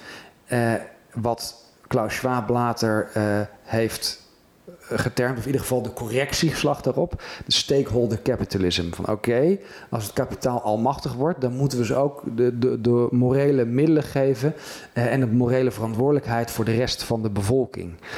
Um, zolang er concurrerende systemen waren, ging dat nog goed. Want we hadden ook de derde weg met, wat is het, Nasser volgens mij en en India. Dus eh, Egypte en India die wilden niet bij die machtsblokken horen. Dus eh, effectief waren er wel minimaal drie machtsblokken. En dan kijk je naar Nederland, dat is de wereld in het klein. We hadden iets van vijf zuilen. Mm um, dus de, de, de, liberalen, de socialisten, uh, de katholieken en dan nog twee versies van de protestanten. Um, protestanten en lopen moeilijk te doen naar die protestanten. Je hebt, je hebt remonstranten, Nederlands gereformeerd. Je hebt altijd die, die klassenstrijd tussen de Van Olde Barnevelds en de Oranjes, zeg maar. Dat, dat waren die twee uh, uh, protestantse stromingen. Um, Ga verantwoorden. Ja. Dus wat we in Nederland hadden, was al heel erg die power sharing. Waardoor uh, elke zuil zijn eigen onderwijssysteem, zijn eigen vertegenwoordiging, zijn eigen krant, zijn eigen omroep, uh, kortom zijn, zijn eigen gemeenschap had. En uh, dat werkte tot op zekere hoogte. En de, de ontzuiling was natuurlijk al een tijdje gaande. Alleen daar is echt een klap op gegeven door Paars die acht jaar paars heeft de omzeiling om zeep geholpen. Ja, want die verzuiling had natuurlijk ook gewoon heel veel nadelen wat dat betreft. Uh, zeker, maar dan kom je eigenlijk bij het punt van uh, gooi je niet uh, de baby met het badwater weg. de verzuiling was zeker geen ideaal systeem, maar is een, een, een globalistisch liberaal systeem dat dan wel. Hmm. Want als we kijken naar de kwaliteit van de zorg, uh, als we kijken naar de kosten van uh, veel basisbehoeften, dan hebben we het over nutsbedrijven, uh, die liberalisering, de marktwerking in de zorg is allemaal in die paarse periode ingezet. Heeft dat wat opgeleverd? Nee, het is echt volledig mislukt. echt volledig? Ook niet, is het niet ook zeg maar te ver gegaan gewoon? Nee, het is echt volledig mislukt. Ik, ik denk dat door de, de, de verkeerde criteria te gebruiken, je dus een systeem hebt gecreëerd dat winst maximaliseert voor de bovenlaag, in plaats het product uh, maximaliseren voor de onderlaag. Want wie zijn de gebruikers van die nutsvoorzieningen? Wie zijn de gebruikers van het onderwijs, de zorg? Dat zijn alle mensen die uh, daaronder zitten. De normale burger die zijn kinderen naar school stuurt, of die naar het ziekenhuis gaat, of die over de weg rijdt, of die zijn kachel moet opstoken, et cetera. Voor die burger is het niet verbeterd. Het is vooral veel duurder geworden. Uh, het is veel kariger geworden. De service is veel minder. Ja, je hebt, uh, want het is, het, is, uh, het is ook een beetje. Ja, wat ik, zoals ik het zie, is zeg maar gewoon kapitalisme is ergens links afgeslagen. Waarbij gewoon er, geen, er, geen, er geen waarde meer wordt gecreëerd. Want ook als jij naar producten kijkt, ook gewoon naar nieuwe technologie en dat soort zaken. Er wordt alleen maar gecreëerd voor inderdaad uh, het winstmodel. Hè? Ja. Er wordt niet een goed product gecreëerd. Nee, ja. er wordt een product gecreëerd dat zo snel mogelijk stuk is. Zodat iemand zo snel mogelijk weer een nieuw product haalt. Dat is het idee. Uh, en zo werkt dat inderdaad met, met, met alles. Weet je, ook in service. Ik, ik zat laatst ook in een restaurant. Waar je denkt van bijvoorbeeld de, de beren. Dat is ook zo'n zo'n zo'n zo'n afgrijzelijk misbaksel van een, uh, van een, uh, van een horecatent. niemand die daar loopt, die heeft enig belang bij om goede service te geven. Het zijn allemaal mensen die gewoon de dag proberen door te komen. Niemand heeft wat met die tent. Dus er is ook geen. ja, die service is niet, is niet oprecht. Het zijn mensen die proberen daar gewoon de dag door te komen. En je kan er ook niemand aanspreken die zeggen van: hey, kan je alsjeblieft even goede service geven. Want ze hebben allemaal zoiets van, ja, eh, boeiend, ik ben niet de eigenaar van het bedrijf. Hè? Ja, ik, denk het is niet hun merk. Ik denk dat je toevallig met de beren, want volgens mij is dat een franchise, dus dan is het wel van vestiging tot vestiging heel erg verschillend. Maar algemeen, de horeca in Nederland, is, uh, is, is uh, massa geworden, is eenheidsworst geworden. Uh, je hoeft maar de grens over te gaan en in de horeca werken is een beroep. we hebben natuurlijk geen echt verheven eetcultuur en dat is er ook mee verwoven. Maar de, de gedraging, want daar gaat het eigenlijk over, wat je in de horeca ziet, is een, een afspiegeling van wat in de rest van de maatschappij gebeurt. Is dat het over winstmaximalisatie gaat, dus hoe goedkoper de, de arbeidskrachten die je kan inkopen, hoe beter ja, en het product, het product, de, producten het, eh, de, de, de, beleving wordt bijna uh, weggegooid. Van je komt er een biertje kopen en je krijgt een biertje. Waar zeur je nu over? Ja. In plaats van, ja, maar ik kan ook een biertje bij de supermarkt halen. En dan kan ik het thuis op drinken. Dus ik kom bij dat café of dat restaurant niet alleen voor het fysieke dat ik koop, maar de hele beleving. En, en daar hoort een goede service bij. En, en, en dat is denk ik wel een, een mooi voorbeeld van, uh, als je het als metafoor of als, als extrapolatie van die maatschappij wil zien van, ja, er is onderwijs, ja, er is gezondheidszorg. Maar als je kijkt naar de kwaliteit, de beleving en de kosten ervan, dan zijn we er niet op vooruit gegaan. Nou, het is grappig dat je beleving zegt, want we hebben met uh, de opleiding hebben we heel veel geleerd rondom beleving. En dan voornamelijk het creëren van beleving. Mhm. Maar dus inderdaad, bovenop dit systeem wat we nu hebben, en het liefst dan, ik heb uh, technologische opleiding gedaan, uh, IT. En dan krijg je dus heel veel over augmented reality, virtual reality. En dan we gaan met z'n allen de metaverse. En in die zin moet dus inderdaad alles een beleving beleving zijn. Maar dan kom je een beetje op die pretparkbeleving-achtig uit. Hè? Dus een ja, kunstmatige beleving en nou, geen authentieke beleving. Eh, conformistische of uh, eenheidsworstbeleving. Je weet wat je, wat je koopt, want het is geprotocoleerd. Maar het is one size fits all. En dat is met een pretpark natuurlijk ook. Elk pretpark is ongeveer hetzelfde. Er zit weinig, weinig authenticiteit in. Het is allemaal hetzelfde uh, bedrijfsmodel of verdienmodel. En wat nou zo mooi is was aan de horeca, is dat er heel veel onafhankelijke ondernemers in zitten. Die allemaal zich overleveren aan de markt. Als ze succesvol zijn, dan worden ze groter. En als ze het niet kunnen, dan worden ze gewoon afgeserveerd. In die zin is het een survival of the fittest in de horeca. Met hele individualistische mensen. Dat heeft als grote nadeel dat ze zich niet kunnen verenigen. En dat, als ze dat al doen, hè, met Koninklijke Bond of het Koninklijke Horeca Nederland, dan worden ze helemaal uitgeleverd. Ze zijn gegijzeld door een, een belangenvereniging die in de, op schoot zit bij de macht. Dus ze kunnen niks. Uh, ze zijn individueel makkelijk aan te pakken. Maar dat zit ook inherent verwoven aan uh, dat individualisme bij de horecaondernemer. Mm. En elke expressie van zo'n verschillende ondernemer leidt tot die enorme verscheidenheid aan uh, restaurants, cafés, belevingen en, en dat, dat is een deel van onze cultuur. En, en dat dat nu kapot wordt gemaakt, laat al zien, want dat is niet het enige. Hè? Eigenlijk alles waar het gaat over echt individuele expressie uh, en sociaal contact, wordt kapot gemaakt. Als je het hebt over festivals, over uh, horeca, over nachtleven, maar zelfs over kunst uh, kunst is volledig afhankelijk gemaakt van de subsidie. Dus er wordt alleen nog maar datgene geproduceerd waar je een vinkje voor krijgt en een zak geld. Uh, we hebben een enorme verschraling en, en kaalslag qua cultuur hiermee. Hmm. En dit is dus ook een effect van een marktwerking die op hol is geslagen. Want die marktwerking wordt niet gebruikt om het beste idee naar boven te krijgen. Nee, de marktwerking wordt gebruikt om het meest succesvolle bedrijfsmodel te laten domineren en zo snel mogelijk kartelvorming en monopolievorming te, te plegen. Ja. Ja, want het, is, het klont het wel eigenlijk allemaal samen als, een, als een idioot. De, de big shakeout, de financiële crisis van 2008, is een heel mooi voorbeeld daarvan. De financiële markt moest onder totale controle worden gebracht. Wat doe je dan? Je laat de markt ontploffen en je steunt alleen de hele grote ketens, want daarmee wordt het controlesysteem veel makkelijker. Uh, en die grote ketens die krijgen uh, oneindig geld, maar ze verliezen hun onafhankelijkheid. En al die andere kleintjes die gaan uh, over de kop en die worden opgeslokt. Ja. En dit is wat ik echt al, wat is het, in 2002 of zo, met een paar vrienden een stukje over heb geschreven. De agglomeratie van geld. De agglomeratie van geld, dat betekent uh, hyperkapitalisme of corporatisme, waarbij de staat zijn rol als regulator verzaakt en niet meer uh, een, een, vrije markt garandeert, maar een onvrije markt die wordt geregeerd door de grootste samenklontering van geld. Ja. En wat je dan krijgt, is, zijn dus inderdaad die kartels en syndicaten, zoals de, de Big Pharma of Big Tech, die als een staat opereren. En uh, je kan ze ook niet meer aanklagen. We hebben het een paar keer geprobeerd bij Facebook en uh, YouTube. Je komt er niet meer doorheen. Het is al sinds jaar en dag bekend dat het uh, gezondheidszorgapparaat in eigenlijk alle westerse landen wordt gedomineerd door de lobbyisten uit de farmaceutische industrie. Mm -hmm. En dat is het gevaarlijke. Sackler family en zo. Ja, dat is het gevaarlijke. Op het moment dat de overheid die taak te lang verzaakt met het reguleren van de markt, juist om de markt vrij te houden, dan wordt ze teruggeïnfiltreerd en dan is het hek van de dam.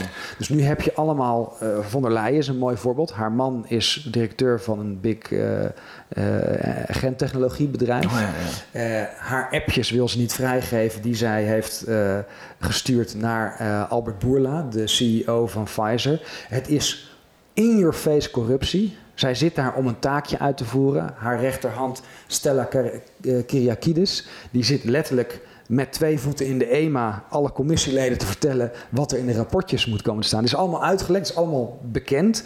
Dus die hele prikjes is één hele grote zwendel en alles ligt op straat. Maar het gaat gewoon door. En hier zie je dat mensen in de overheid die nog integer zijn, kunnen hier niks meer tegen doen. We zijn al geïnfiltreerd door dit soort misdaadsyndicaten. Ja, want de, de farmaceutische industrie, uh, je hebt natuurlijk in Amerika die Sackler family, die dus inderdaad verantwoordelijk is voor de opiatencrisis. Ja. Waarbij ze dus op een hoog niveau onverantwoordelijk allerlei uh, opiaten hebben ja, doorgedrukt aan mensen die het nooit nodig zouden hebben. En vervolgens de prijs gigantisch omhoog gezet, waarbij mensen dus niet meer hun drugs konden kopen. En vervolgens moesten naar de heroïne moesten gaan en dat soort zaken. Dus zij hebben direct bijgedragen aan een gigantische spike aan nieuwe heroïneverslaafden. Ja.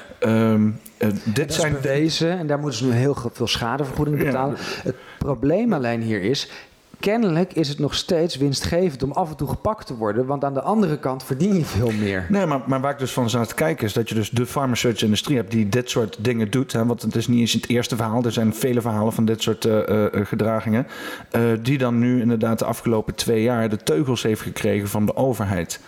Um, uh, hoe is het? Hoe, hoe, hoe kan, maar, maar, maar, hoe kan het dat mensen toch zo, uh, zo verkocht zijn door de farmaceutische industrie? Want ik bedoel, het is, het is natuurlijk nu pillen slikken en weer door ja. met de dag en zo. Maar uh, um, um, is, hoe, hoe, hoe krijgen ze dat in vertrouwen het, of zo? In het boek The Brave, Brave New World, volgens mij, dan gaat het ook over soma. Niemand mag meer oud worden. En mensen zijn zo bang voor hun zelfkant dat ze zich helemaal overleveren aan dat systeem. En daar, dat is eigenlijk al een, een, een heel, heel goede vooruitblik, want die boeken die zijn volgens mij in de 60 of 70 jaar geschreven. Uh, of nog, nog ouder. En uh, daarmee geeft hij aan van ja, het is dus heel makkelijk als je de hendels weet te vinden. Uh, de psychologische hendels van de kindertrauma's om mensen te sturen. Dat comfort is zo'n sterke uh, sterke kracht en sturend mechanisme. Dat je ja, mensen in slaap kan sussen. En dan kom je weer op wat je net zei over dat entertainment. We worden ook geprimed. Hè? We worden ook echt opgeleid door niet af te wijken. Geen afwijkende gedachten te hebben. Er was Noam Chomsky die, die het daarover had van hoe veins je nou een levendige democratie. En Noam Chomsky voor de kijkers of de luisteraars is een van de, de leading intellectuals in, uh, in de Verenigde Staten. Die altijd anti-Trump was en opeens het licht heeft gezien en door de Oekraïne wakker is geworden en zegt van shit, uh, Trump had gelijk, want uh, hij heeft geen oorlog gevoerd en alle andere presidenten. hij was altijd tegen Trump. Hij was uh... altijd tegen Trump en nu is hij ervoor. Maar wat hij daarover zei, over dat levendig debat, van hoe veins je nu een democratie, is door dat debat te entameren, maar precies op dat stukje waar het geen enkele bedreiging vormt voor de macht. En als we nu kijken wat dat dan uh, in Nederland is, dan is het bijvoorbeeld de moslimdiscussie, de Zwarte Pieten discussie, uh, de LGBTI-discussie, uh, de, de klimaatdiscussie. Mm -hmm. Het is allemaal binnen het kader waar, waarvan zij willen dat jij uh, een beetje naar links en een beetje naar rechts kijkt. Ehm, de protesten waar ze echt wat van vinden. Eh, de toeslagenaffaire, of in ieder geval de, dat hele, de hele beerput met de verdwenen kinderen. Eh, het woonprotest en het protest tegen de maatregelen. Daar zie je eh, het regime zijn tanden laten zien. Als je daar je echt over uitspreekt, dan word je dus net zoals ik of als Huig Plug gewoon van straat geplukt en een paar weken in de cel gegooid. En, en dat, dat is de echte overheid. Maar dit, dit is Ehm, hoe dit regime werkt. En daarom zeg ik ook, we zitten gewoon volledig in een dictatuur. Het enige is dat deze dictatuur een minder zichtbare uh, tyrannieke leider heeft. Uh, en er een grote groep binnen de overheid uh, nog moet geloven in een normaal functionerende overheid. Dus waarom er nog WOB-verzoeken doorkomen, is omdat als die er niet meer door zouden komen, er een hele grote groep ambtenaren opeens zou zien, huh, maar we zijn deel van een, van een tyranniek systeem. Dit, willen we niet. Dus het gaat echt over om de eigen groep voor de gek te tolerantie is dat toch? Repressieve tolerantie volgens mij. Dingen laten gebeuren om de schijn hoog te houden, maar zonder dat het nut heeft. Ja. Ik, ik, wil heel even een klein stukje Noam, eh, Noam Chomsky eh, erin zetten. Dat is wel interessant. En dan kan ik nog even wat water pakken. well, actually, I, I mean, you know, people differ, so you can't really generalize. But I think the general thing is something that we all know from our own experience. I mean, un unless you're, well, take your own personal experience. I mean, unless you happen to be an unusual kind of saint, maybe the first one since Jesus or something, unless you're that kind of person, you've done some rotten things in your life like maybe when you were eight years old, you know, you took a toy from your younger brother because nobody was looking. Okay. Well, just go back to that circumstance or something similar to it and ask yourself honestly uh, did you say, I'm taking the toy from my little brother because I want it and I'm bigger than he is and nobody's looking, so I'll take it? Or did you say, look, it's really my toy, and besides, he had no right to it, and besides, I need it more than he does, and anyhow, it's better for everybody if I have it, you know. Okay, well, like I say, unless you're a saint, you took the second way out. And furthermore, anybody in their lifetime has had a thousand experiences like that. Well, I think that's the way things work. Uh, you have some, it's not that you, you know, uh, I mean, belief formation is often contingent on the outcomes that you want. Zo'n stukje Noam Chomsky, ik zal de link hiervan ook gewoon in de video zetten, dan kan je hem helemaal afkijken. Uh, ja, want uh, wil jij nog iets op aanvullend op vertellen? Nou, het is grappig dat uh, Noam Chomsky, hij is nu een stuk ouder, hè? dus wat, uh, wat, wat oudere video. Een hele oude, hele oude video. Hè? Ja. Um, en daar zie je ook wat er gebeurt met het intellect als je ouder wordt. Je wordt minder scherp, uh, je laat je makkelijker beetnemen. Ik denk dat uh, Noam Chomsky zelf ook bevreesd was van het virus en nu pas een beetje uit die angstpsychose komt en dingen weer helderder kan zien. Ehm, dus hij is ondanks dat hij wist hoe het systeem werkt, is hij toch in de valkuil gevallen. Hmm. En dit is uh, hoe het voor heel veel mensen werkt. Zelfs als je uh, intellectueel bewust bent, als jouw uh, primaire angsten worden aangesproken, dan schiet je gewoon in een basale reactie. die niet zoveel te maken heeft met, met wat, je, wat je denkt. Vooral als je dingen weet. Een vriend van mij die zegt: uh, Je weet te veel, daarom snap je het niet. En het idee is inderdaad dat je juist vatbaar bent voor ja. uh, een bepaalde beargumentatie, omdat je kennis hebt vergaard. Omdat je bijvoorbeeld gelooft in uh, virologie en dat dat inderdaad een hele ernstige vorm is van ziek worden. Dat je daarvoor heel veel tijd hebt geïnvesteerd in die um, wetenschap. Dat als mensen uit die wetenschap jouw dingen ook gaan vertellen, dat jij dus eigenlijk instant gehoekt bent. Dus. Absoluut. Uh, uh, je zou bijna kunnen zeggen. Uh, intellectuelen uh, lijden aan een schijnwerkelijkheid. Juist omdat ze zoveel beschouwelijk naar het leven kijken en het minder beleven. Ja. En, en dit is de, de big catch in het uh, onderwijssysteem. Is ook, ook weer sinds dat paars verworden tot een uh, ja, tot een preparatiemolen om uh, consent te creëren. Om uh, comfort en consent te creëren, want dat zijn hele belangrijke pijlers van het conformisme. Dus iedereen is opeens heel erg conformisme, comfort. Ja. Dit, dit, dit, dit, dit. Nee, het is conformisme. Conformisme hè? en Maar comfort. Oké, nee, ik wou net heel- zeggen, maar anders had je het, even is, een. eh, het is een nieuw woord, eh, conformisme. En dat is een samenvoeging van eh, eh, conformeren doordat je je comfort niet kwijt wil. Ja, oh, dat is wel mooi inderdaad. Ja. Ja. Ehm, aansluitend hierop, want eh, oké, we hebben dus eh, zeg maar een soort van bevestigd dat we in een eh, totalitair dictatuur leven. Heel casual. In een casual to- totalitair dictatuur, zo zeg maar. Het ligt er Nou, niet een- heel dik bovenop, maar... Een, een bijna een verlicht, want op heel veel gebieden heb je nog relatieve vrijheid en het, het wordt zo mooi afgewerkt en het is zo goed verborgen en zo eh, goed geregeld dat als je meeloopt je echt het idee kan hebben dat we in een heel mooi land leven. Ja. Nou ja, op het, eh, hè, de, de laatste tijd is de hashtag gaaf land eh, vrij viraal gegaan.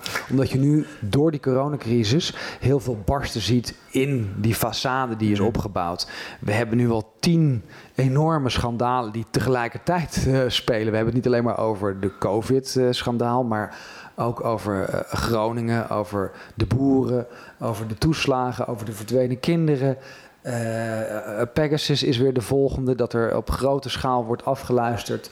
eh, en dat die sleepwet dus inderdaad wordt misbruikt waar we al bang voor waren. Dan hebben we nu het Oekraïne-schandaal, hè, dus dat referendum met dat inlegvelletje. Dit was dus het plan wat erachter zat. Nederland heeft zich schuldig gemaakt aan oorlogsmisdrijven door wapens te leveren aan een conflictgebied, et cetera, et cetera. Het houdt niet op. Het is één grote beerput waar we moeten concluderen. Er is zoveel mee mis dat dit niet opgelost gaat worden door de mensen die nu aan de macht zijn of ogenschijnlijk aan de macht zijn. Want laten we wel wezen, eh, ministers zijn niet machtig, ministers zijn woordvoerders. Zij moeten verkopen wat de mensen die hoog op de ministeries zitten en hoog in de veiligheidsdiensten hebben bedacht of, of he- hebben verordeneerd. Ja.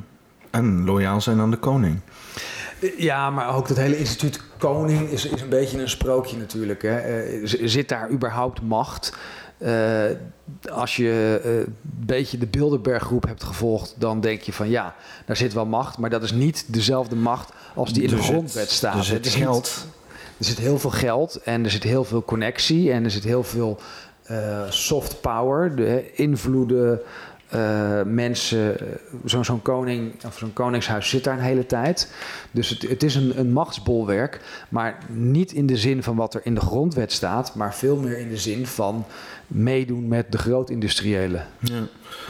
Ja, want ik, ik, volg wel vaker ook mensen die eh, gewoon op een of andere manier eh, de staat eh, te lijf gaan. Ik, ik, ik, ik heb bijvoorbeeld Jan en Peter Poot heb ik wel gevolgd. met dus inderdaad hun hele debakel van de staat die hun land wil afpakken bij Schiphol. Omdat hun iets te hard doorgingen op de hele Joris Demming-zaak.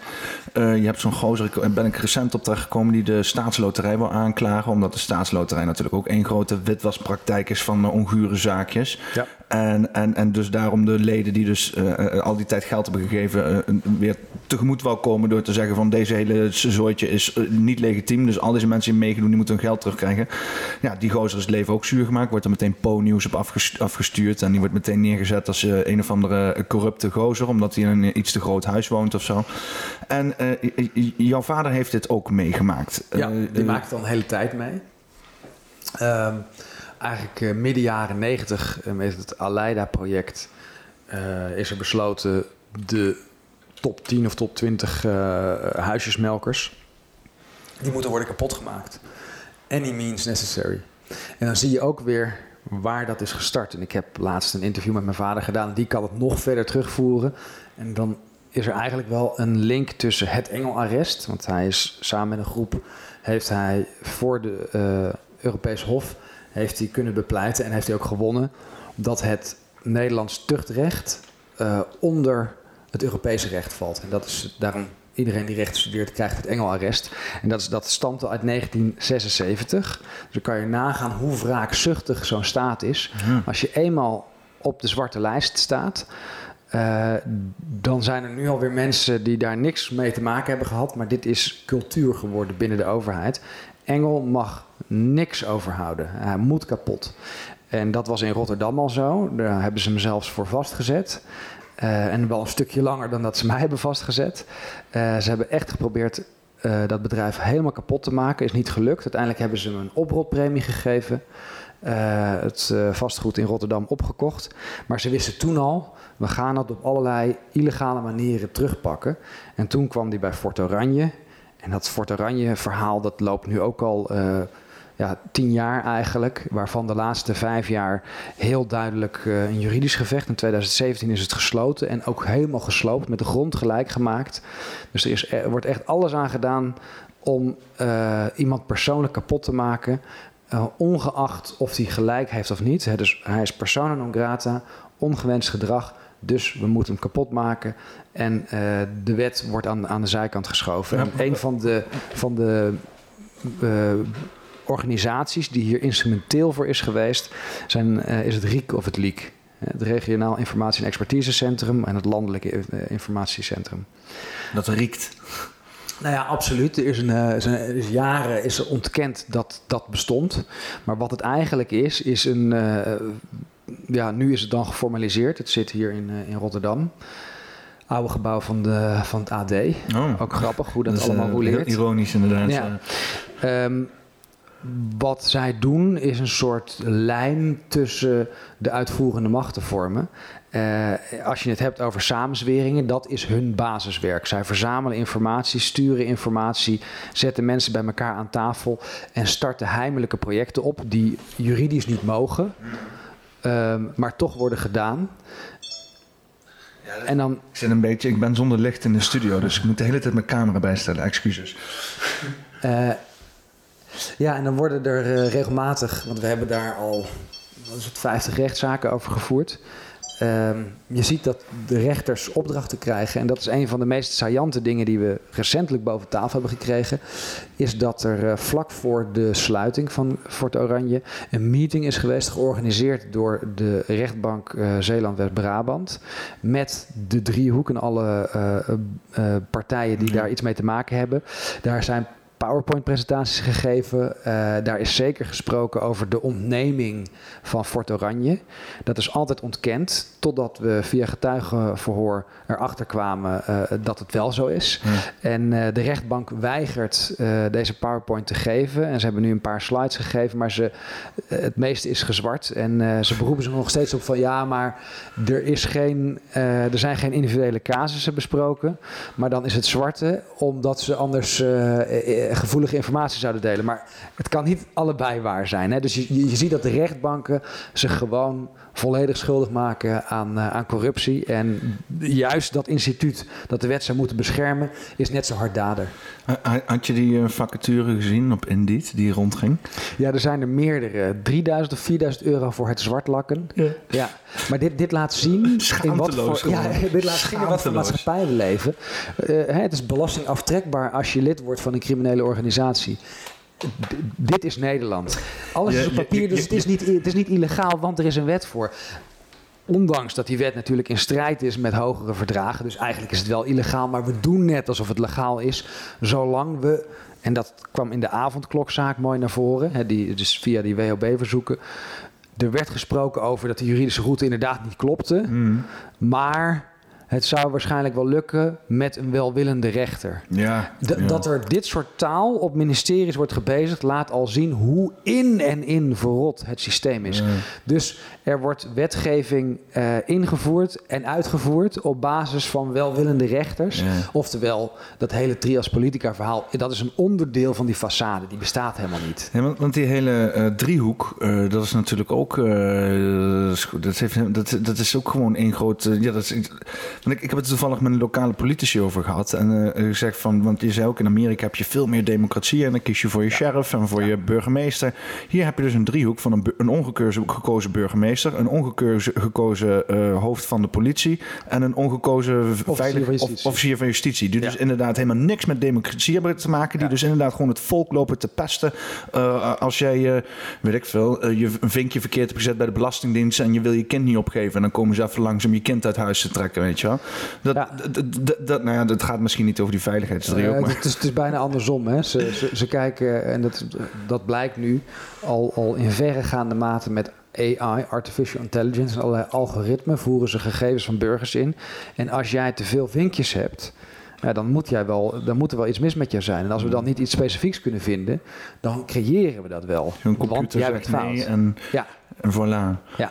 Ja, dat is bizar is dat, hè? En dan, ja... Ja, wij zijn echt in een, in een pervers systeem gekomen waarbij eh, algoritmen eh, de tendens bepalen en mensen die dan de macht hebben via die algoritmes hun eigen koninkrijkjes creëren om daar persoonlijk gewin en roem, geld, macht eh, uit, uit te winnen. Ja.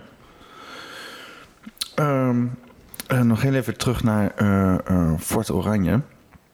Want eh, jouw vader is natuurlijk in deze perikelen terechtgekomen. Ja. Wat, wat ik nog niet helemaal mee had gekregen van... Waar is het nou precies begonnen, zeg maar? Wat, wat, wat heeft volgens de, de staat jouw vader fout gegaan, gedaan? Nou, dat is in 1976 begonnen. Hij heeft, hij heeft van de staat gewonnen. Dat vinden ze niet leuk. Maar van wat heeft hij gewonnen? Ah, dus via het Europese eh, uitspraak heeft hij gewonnen dat eh, het, het militair tuchtrecht wel degelijk onder het Europees recht valt. Maar wa- waarom... eh, wa- wat was zijn strijd hierin, zeg maar? Het ging erover dat eh, eh, er niet straf op straf mag worden gestapeld. En dat er altijd een, een mogelijkheid tot beroep moet kunnen zijn. En dat dus niet uit de klauwen moet kunnen lopen dat je voor het weigeren van het knippen van je haar of een andere onbenulligheid eh, maandenlang gevangenisstraf zou kunnen krijgen. En, en- maar waarom vond je pa dat dan nodig om die, eh, die rechten terug te pakken, soort van? Wat, eh, dat, dat is voor Nou, het hele omdat- land dan, neem ik aan, toch? waar ze toen op stuiten, en hij was met een groep mensen, is dus de, de, de, de machtswellustelingen die zich onaantastbaar achten en de regels interpreteren naar wat zij willen. Dus ook daar had je al te maken met ongewenst gedrag. Iemand werd niet gepakt omdat hij de wet brak, maar omdat hij niet goed luisterde. En eh, dat rechtvaardigheidsgevoel, dat, dat, dat zit dus al eh, van heel jong, jongs af aan in. Ja. Waarom zou je het in godsnaam Fort Oranje noemen dan? Ehm, die camping is overgenomen van de vorige eigenaar. Oh, het Dus heet al camping Fort Oranje. Fort Oranje Ah. en dat is zo gebleven. Dat heeft verder niks met een, eh, een eh, oranje inborst te maken van, eh, van mijn familie. Ja, ik denk ervan. eh, stiekem een knipoog naar het Koningshuis of zo. Ehm, eh, ja, want je, je hebt dus nu inderdaad een soort... Even over dit Fort Oranje. Kijk, Fort Oranje was een, een, een familiecamping. ging hartstikke goed. En de vorige eigenaren hebben daar al wat rotzooi getrapt, of in ieder geval laten ontstaan. En ehm, eerst zou het alleen een investeringsproject zijn. En doordat het minder liep, is het beheer ook overgenomen. Dus het is een hele erfenis die mee is genomen. En dat is verergerd doordat eigenlijk eh, alle gemeenten hun eh, moeilijk plaatsbare mensen, die dus die aan de zelfkant van de maatschappij zitten, allemaal naar Fort Oranje stuurden. Ja. Eh, dat was een soort last resort, waar als je echt kansloos was, dan kon je daar nog terecht. Waardoor je verschillende groeperingen kreeg. Kruimeldiefjes, eh, eh, mensen die eh, nauwelijks voor zichzelf kunnen zorgen... en mensen die daar op vakantie gingen. Dus het was ook een, eh, een, een lastig eh, Een hele maatschappij daar. Een eh, hele gemeleerde eh, gemeenschap. Ja. Ja. Ja, ik, ik vind het altijd, want eh, ik, ik, heb, ik heb al die dingen van, van, eh, van ehm, eh, inderdaad van Pauwnieuws en Telegram en al die beide handen items allemaal zitten zien kijken. En dan, dan stellen ze dus inderdaad zo'n heel groot probleem en dan zie je vervolgens twee of drie shots van wat rommel hè, in een hoekje. En dan zeggen ze zo, de, de hele camping loopt uit de hand. Dus ik, ik, heb al meteen als ik dat soort dingen zie, dat ik denk van ja, hier zit gewoon een lastencampagne op. Ja, ja, het was heel duidelijk een lastencampagne. Lodewijk Asscher is ook nog naar die camping gegaan om daar eh, zo'n soortzelfde speech te geven. Eh, dat was eh, huisvredebreuk. Maar dan zie je, op dat moment was hij denk ik nog minister of staatssecretaris, het recht geldt niet voor iedereen. Want daar is aangifte van gedaan, hij is aangeklaagd, maar hij is gewoon vrijgesproken, ondanks dat het op film staat dat hij de camping oploopt en daar met een filmcrew een, een verhaaltje afsteekt. Terwijl hij eh, helemaal geen bevoegdheid heeft om die camping op te komen. En dat was onderdeel van die lastencampagne. Dus de- het is heel lastig eh, als je de staat tegen je hebt, omdat ze eh, sowieso vals spelen. Want, ik zie, waarom wordt het zo donker de hele tijd? Het gaat regenen nu. Oh. Ja, Kan een, lamp, kan een lampje ik kan wel een paar lampjes aanzetten. Ja, Ja. dan doe- even, heel even een... en dan hoop ik dat de camera's dan niet in één keer vol overbelicht zijn. Oh, dit, oh, dit, is, dit is goed. Een beetje lekker warm. Oh, dat is op zich... Nou, dat is prima hoor. Zo. Voor de... Zo. kunnen we weer de hele studio zien. Met een kleine mooie... Ja, op de camera ziet hij er echt mega huge uit. Mooi hè? Ja. dus, uh, ja, techniek van GoPro's. Um, uh, uh, Dennis. Hè? Die komt dan inderdaad als. als, als oh, Dennis Schouten. Dennis Schouten, ja, inderdaad. Die ja. komt dan als. als, als weet je wel, helemaal, helemaal enthousiast. En die gaat daar eens even de, de, de grote scoop daar uit. uit, uit, uit weet je wel, die gaat daar dan even de, de, de nieuwsitem maken. Hij weet natuurlijk niet wat hier allemaal achter zit. Hij wordt natuurlijk ingefluisterd zo van... hé, hey, uh, deze gozer loopt de boel op te lichten. Ga er eens even flink zijn leven zuur maken. Want, want wat, wat, hoe kijk jij daar tegenaan? Want je kijkt nu bijvoorbeeld naar bijvoorbeeld Roddelpraat. Nu is hij ook tegen het systeem aan het schoppen. En nu is hij dus ook geblokt door YouTube. Dus hij maakt nu pas mee dat het systeem ook wel eens jou de, uh, verkeerde signalen kan geven of, of kan, kan aanpakken. Um, ik heb ook wel eens een eh, paar interviews gedaan met hem. Hij is hier ook wel geweest. Hm. Naar aanleiding eigenlijk van die keer in september voor de Tweede Kamer dat hij me aansprak. Toen hadden we dat uh, gesprekje waar, waar ik hem een knuffel gaf. Uh, en dat hij vroeg van, ja, ik ben ook bij je vader geweest. En toen pas ben ik dat filmpje nog een keer gaan kijken. Ja, en wat, wat Dennis doet, en dat gaf hij ook ruidelijk toe in dat, uh, in dat eerste interview. Hij heeft helemaal niet iets met journalisme gedaan. Dit is, dit is iemand die het leuk vindt uh, om, om bij de hand te doen. En dat, dat bij de hand geluid en dat uh, bij de hand karakter, dat kwam poont goed uit. Hè? Dus een soort burgerjournalisme. Maar en dan heb je zo'n Dominique Wezi die dan iets ingefluisterd krijgt en dan Dennis erop afstuurt of zo. Dat, denk dat, dat denk ik. En uh, het, het is een format. En, en het is wel grappig. Uh, ik ik, ik uh, moet zeggen, de items die ik heb gedaan met Pound vind ik uh, over het algemeen goed gelukt. Maar je moet snappen wat het doel is van Pound. Ze zijn op zoek naar one-liners en clickbait. Dat is waar Pound over gaat. Het is een beetje net zoals Geen Stijl. Um, ze, ze, willen een beetje recht voor zijn raap, maar natuurlijk is het voornamelijk framing. Ja. En als je daarmee kan omgaan, dan, dan, dan levert dat uh, uh, leuke televisie op. Uh, mijn vader zat denk ik al tot hier en kwam dat die beide handen snotneus een verhaal halen.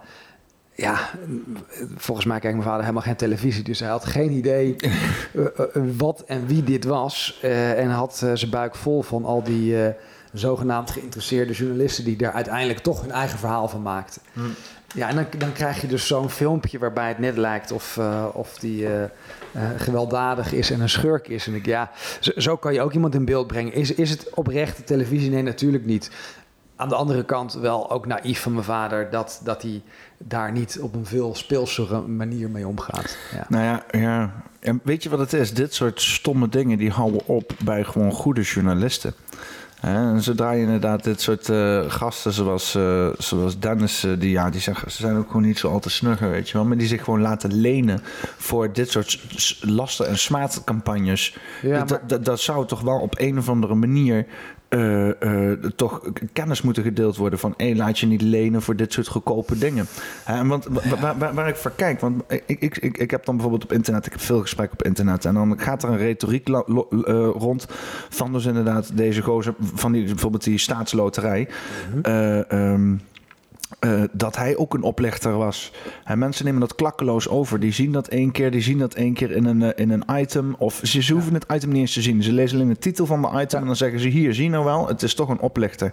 Ja. Dit, uh, er moet toch, toch eens een keer vanuit de media of zo. En dan ja, misschien niet Dennis Schouten ja. inderdaad, maar gewoon verantwoordelijkheid moeten worden genomen. Of. Ehm, uh, uh, of of is dat gewoon, gaat dat nooit gebeuren? Is dat iets waar we gewoon ons hele leven lang mee moeten leven? Dat er gewoon altijd mensen daarbuiten zullen zijn die gewoon maximaal laster- en smaadcampagnes op, op je gooien. Of het nou terecht is of niet, zeg maar. Nou, daar vind ik een paar dingen van. Ten eerste, het is niet de verantwoordelijkheid van Dennis Schouten. Hij, hij zit in een bepaald concept dat het beter doet bij gebrek aan kritische media. Hmm. Krijg je pseudokritische items die eigenlijk niet journalisme te noemen zijn. Um, de media bij elkaar worden ook wel de vierde macht genoemd. Uh, maar dat werkt alleen als er genoeg uh, verschillende stemmen zijn. Nu hebben we in Nederland twee grote Belgische bedrijven. Uh, Mediahuis. Mediahuis en DPG. En nog de staatsomroep. Dus er zijn drie spelers die het over het algemeen helemaal met elkaar eens zijn. Want die twee Belgische bedrijven die worden door Brussel gesubsidieerd. Dus die heeft ook flink wat in de melk te is ook zo goed als staats op omroep. Dus, dus in Nederland is er geen onafhankelijke media. Er zijn nu nieuwe zenders. Dan wordt er gezegd van Follow the Money of Financieel Dagblad... dat die dan wel onafhankelijk zijn. Dat is nog maar de vraag. Hè? Want op het moment dat je... Uh, uh, gemarginaliseerd wordt, dan ga je je ook conformeren. Dus je, je hebt niet 100% nodig, je hebt waarschijnlijk 80% nodig om 100% bereik te hebben met, uh, met de media. Um, dan zit er nog iets anders in, en daar heb ik het met Filemon ook uh, over gehad. Die is volgens mij zondag of maandag online geweest. Over hoe de media wordt gestuurd door bepaalde mensen wel of niet aan te nemen, door bepaalde mensen eh, wel of niet promotie te maken. Um, vooral de kaalslag bij de media. Onderzoeksjournalisme is dood. Bij de oude media bestaat dat bijna niet meer. Hm. Onderzoeksjournalisme is verworden tot clickbait. Dus als je al een item maakt en je krijgt de tijd om ergens uh, aan mee te doen, dan ben je nog steeds gebonden aan het marketingapparaat, namelijk de titels, de plaatjes, dus de, de, de, de stelling of de setting van, van dat geheel moet smeuig zijn. Een mooi voorbeeld vind ik uh, Andreas van Kouwenhoven, die dan onderzoeksjournalist is uh, voor het NRC. En hij is hier een paar keer geweest. Ik zie hoe hij te werk gaat. Er gaat echt heel veel tijd in zitten.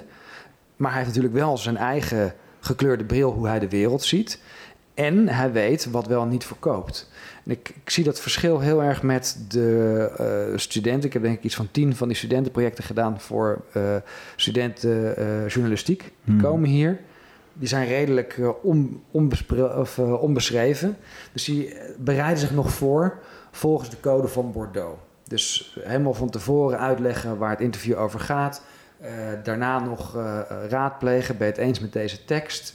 Uh, achtergrondonderzoek doen, een vragenlijst hebben, kritische vragen stellen. Eigenlijk wat je van journalistiek verwacht. Hmm. Maar ik zie dat bij de oude media eigenlijk niet terug. Je, ze, ze, komen met een gesprek, ze nemen op en ze gaan dan knippen en plakken van een paar quotes om daar hun verhaal van te maken. In plaats van jouw verhaal zo accuraat mogelijk weer te geven. En dat is het grote verschil tussen mensen die nog niet in het commerciële systeem hebben gewerkt. Die dus nog de regeltjes krijgen en van zo moet journalistiek eruit zien. Code van Bordeaux, ik herhaal nog maar eens een keer. De code van Bordeaux, daar heb ik nog nooit van gehoord. Dat, is zeg maar de, dat, dat, dat is de ethische code waar journalistiek zich aan moet houden. Dus de eet van Hippocrates van de media. Daarmee is het te vergelijken. Um, maar als mensen langer in dat commerciële systeem zitten, dan lopen ze de kantjes ervan af. Want zij worden geprimed op hoe kom ik zo snel mogelijk tot een nieuw artikel? Hoe maak ik zoveel mogelijk impact? Hoe is mijn baas zo blij mogelijk met me? Uh, hoe krijg ik zoveel mogelijk volgers op Twitter, et cetera? Er zitten zoveel prikkels om je te sturen als journalist en als wetenschapper. Want dit fenomeen zien we natuurlijk ook volledig terug bij de, bij de populaire wetenschappers, zoals een Van Rans en een Koopmans en een Van Dissel, die dan een enorme following krijgen op social media, of in ieder mm. geval landelijke bekendheid, en zich steeds meer als een soort uh, ja, uh, onderminister gaan gedragen. Sterker nog, Kuipers is nu minister geworden. Het is knettergek. Letterlijk onderminister geworden. En dan wordt, dan wordt er nog gezegd van... ja, wat goed dat we weer een vakminister hebben. Maar dit was een brekenbeentje. Iemand die uh, niet meer aan het bed staat, die manager is vooral, die met de grafieken en de voorspellingen 100% fout heeft gehad, die ga je toch geen minister maken? Dit is iemand die incapabel is in wat hij doet. Ja, onbegrijpelijk. Maar ja, de, de, de, andere ministerposten zijn niet beter bedeeld met een Hoekstra, een, een Kaag, een... Uh, een Hugo de Jonge op volkshuisvesting. het, is allemaal... En, en, het, en het is echt zo in your face dat ik denk dat ze dit expres doen. Het ministerschap moet zo worden uitgekleed dat niemand meer wat te maken wil hebben met politiek. Want dan is het nog makkelijker, nog dommere mensen op die posities zetten die precies doen wat jij wil. Ja. Nou, vanuit de industriële uh, elite gedachte. Ah, gek. Uh, is, ja, want is, het niet, is het niet gewoon dat uh, de hele politiek hier op een gegeven moment opgeheven wordt en dat we met z'n allen alleen nog maar verantwoording afleggen naar, uh, naar Brussel? Nou ja, dat is natuurlijk de gedachte erachter. Alleen dat zal niet over één dag of één nacht ijs gaan. Ja, tenzij we het zelf willen, inderdaad. Hè? Dat is een beetje ja, het idee. maar Brussel is uh, zeer impopulair in Nederland. We hebben de, de, Europese grondwet al weggestemd. En de uh, Europese sentimenten zijn niet verbeterd. Wij zijn nog steeds niet heel positief over Brussel. Wel over Europa als afzetmarkt en als gemeenschappelijke ruimte. Uh, maar het ideologisch Europa, dus de, de, de, de Verenigde Staten van Europa, of, of hoe de as van Duitsland en Frankrijk het graag willen zien, het Vierde Rijk, want daar hebben we het eigenlijk over, het eurofascisme. Uh, daar, en dat zie je ook in Frankrijk, ook in België, ook in Nederland. Men staat niet te springen. Maar, maar in Hongarije moeten ze daar toch ook niks van weten? Nee, in Polen en zo? Ik, ik, denk ook niet dat uh, de EU een lang leven beschoren is. Er, er zijn te veel problemen met uh, de ideologische verschillen. Uh, met de vlucht naar voren, dat het echt een, een soort Verenigd Europa of Verenigde Staten van Europa moet worden. Met de economische verschillen, met de culturele verschillen, met de onhoudbare positie van de euro. Dit is niet op te lossen. Deze mensen die, die, die nu aan de macht zijn, die denken dat als zij zich helemaal conformeren aan COVID-19, Agenda 2030, de vierde industriële revolutie, de Green New Deal, dat het wel goed komt. Maar het gaat helemaal niet goed komen, want deze plannen lossen niks op. Het, die, die, die richten zich namelijk voornamelijk op problemen die er niet zijn. En daarmee wordt eigenlijk alle focus weggehaald van de problemen die er wel zijn. Ja. Ja, je hebt natuurlijk uh, een soort van pad wat we af aan het gaan zijn, zeg maar. En natuurlijk ook met Europa en zo. Is het nog terug te draaien iets of moet het alleen maar kapot? Ja, dat is een hele goede vraag. Uh, vanaf het begin heb ik al gezegd, uh, terug naar de EEG, de Europese Economische Gemeenschap. tot 1992 was Europa een succesverhaal. Want het stond garant voor die vrije markt. En uh, iedereen profiteerde daaraan, daarvan. Het was gebaseerd eigenlijk op die twee modellen: de, de, de, de staal- en steenkolenverbond en de Benelux. Die hebben model gestaan. Daar zie je ook de founding members terug. Ja. Um, maar die waren heel duidelijk gericht op een douane-unie of een grondstoffenunie. En dat ging over de economische ruimte. En op het moment dat daar een ideologische ruimte van is gemaakt, vanaf de Europese Unie, 1992, is het verval ingezet. En die 1992 is echt een kanteljaar. Want we zien daar ook uh, het verdrag van Rio de Janeiro, Agenda 21. Dus als we terug willen tot een acceptabele omvang en richting van de overheid, moeten we terug naar dat kantelpunt. Fuck yeah, back to the 90s. Ja, terug naar de 90s, maar dan echt begin jaren 90, want daar ging het fout. Dat, dat we hervormen is niet erg, maar we hebben toen de politieke elite vrij spel gegeven om te doen wat zij voor hobby's hadden. En, ja. en dat is heel slecht uitgepakt voor de burger. Ja. Ja, dat is interessant. Ik denk ook wel dat je, als je het inderdaad gewoon roept, we moeten terug. Want heel veel mensen zeggen, ja, we moeten terug naar vroeger, we moeten terug naar de tradities. Maar ik denk als je het gewoon zegt, we moeten terug naar de jaren negentig, dat klinkt verleidelijk, ouwe. Ja. ja. Prins, Spice Girls. Absoluut. Ik, ik denk dat we daar uh, wel zeker met het val van de muur en het idee van uh, ons systeem heeft gewonnen dat dat een, een soort uh, belle époque is, uh, is gebleken. Het lijkt wel een beetje dat met, met de val van het muur... dat eigenlijk het communisme onze wereld is binnenkomen sijpelen. Absoluut. Niet andersom. Maar dat is niet alleen denkbeeldig zo. Hier, hè, er komen steeds meer documenten boven... dat dat inderdaad het plan was. Ah. Communisme is underground gegaan. Merkel is een kind van de DDR. Zij is geïnfiltreerd om, om Duitsland het DDR te maken, niet andersom. DDR is niet West-Duitsland geworden. West-Duitsland is meer DDR geworden. Ja, ah, grappig. Ja, dat is wel inderdaad een bijzondere insteek. Hè? Want we krijgen natuurlijk met z'n allen verkocht dat het allemaal zoveel vrijer wordt en beter is. En als je dan goed gaat kijken en luisteren, je denkt van luister, oké, wacht even. Wat had mijn opa? Mijn opa die had een vrouw die niet hoefde te werken. Hij had een baantje uh, uh, vier, vijf dagen in de week waarbij hij dan nou, wel moest zoeken. Maar dan had hij daarna een huis. Kon die vier kinderen onderhouden. Gingen ze twee keer in het jaar op vakantie. Ze hadden één auto voor de deur. En uh, ik kom in mijn eentje niet eens rond. En ik heb niet eens kinderen. En ik, ik betaal mezelf helemaal schil en huur. En dan denk ik van oké, wat, wat is er precies vrijer geworden? Welke vrijheden heb ik hier verworven bovenop die van mijn opa? dat ik. Uh, mezelf mag laten indoctrineren door technologie of zo? Is dat zeg de extra vrijheid? Wat? Ik weet nog dat ik in 2011, denk ik, in een Grieks restaurant ergens in Brabant aan het eten was. En die eigenaar die opende wel een beetje de ogen. Die zei van, die, die kon het heel goed en heel simpel uitleggen van, oké, stel je nou voor, je metselt elke dag één steen. Dan kan je in je hele leven drie huizen bouwen. Maar toch, als je gewoon werkt, dan lig je je hele leven krom voor één hypotheek, voor één huis. Waar zijn die twee derde van mijn uh, gebleven? En, en dit is heel simpel. Dit is heel simpel uitgelegd van ja, maar wacht eventjes. Wij denken met al die spaarplannen, uh, uh, inflatiecorrecties, cao's, uh, schijven en stappen en carrière maken, dat wij vooruitkomen. Maar we komen helemaal niet vooruit. Wij zitten in dat, in dat hamsterwiel. En intussen wordt twee derde tot drie kwart van onze productie wordt afgeroomd. Ja, en dan kom je, ik heb dat met, hoe heet ze nou? Een, uh, een, een Amerikaanse uh, econoom die, die helaas overleden is. een heel leuk gesprek over gehad over het concept van useless eaters. Hmm. De mens is niet gelijk geschapen. de ene past zich beter aan aan het huidige systeem dan de ander. Dus sommige mensen zijn heel productief en die, die compenseren voor het gebrek aan productie bij andere mensen. En dat is het welfare systeem of het, het sociale vangnet. En uh, ideologisch gezien ben ik het er wel mee eens dat elk mens uh, uh, gelijkwaardig moet worden behandeld en, en dezelfde rechten heeft. maar dat betekent niet dat we een systeem moeten maken waarin we heel veel losers en winners hebben.